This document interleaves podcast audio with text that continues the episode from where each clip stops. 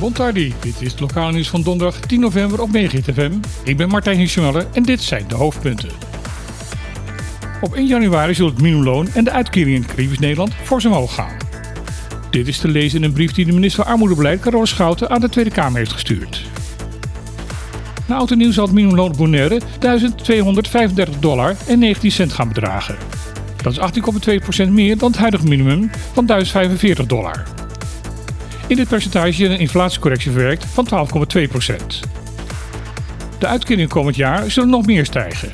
Na 1 januari zullen zowel de onderstand als AWW stijgen met 22,2%.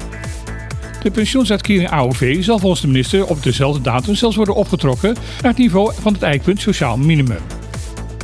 In haar berekening gaat Schouten dus uit van het eikpunt sociaal minimum dat in 2025 bereikt zou moeten worden. Daarmee negeert ze de in de Tweede Kamer aangenomen motie van Jordien Wuiten van D66, waarin het kabinet wordt opgedragen al op 1 januari 2024 te komen tot een volwaardig sociaal minimum voor de BES. Ziekenhuis Mariedal wil voor minstens 51% eigenaar worden van een vliegtuigmaatschappij. Deze maatschappij zal zich moeten gaan specialiseren in het vervoer van patiënten in het Caribisch deel van het Koninkrijk en zal Bonaire gevestigd gaan worden.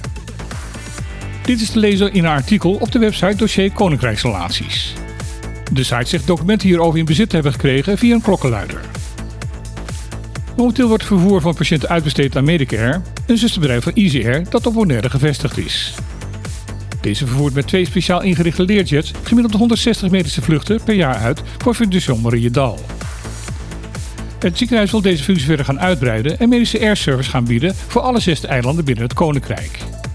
De organisatie heeft daarom een request voor informatie laten uitgaan binnen de luchtvaartwereld voor het vinden van een geschikte partner. Dit moet al een bestaande luchtvaartmaatschappij zijn die beschikt over alle certificaten en accreditaties.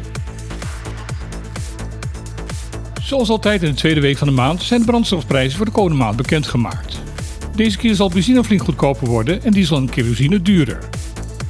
Vanaf morgen betaal je aan de pomp voor een liter benzine 1,41 dollar. Dat is 18 cent minder dan je er vandaag voor kwijt zou zijn.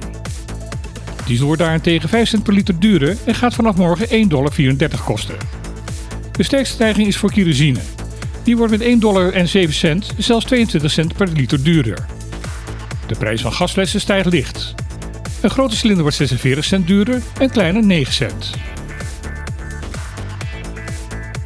Wie tussen 16 december en 5 januari iets feestelijks wil organiseren, moet daarvoor 18 november een vergunning voor aanvragen.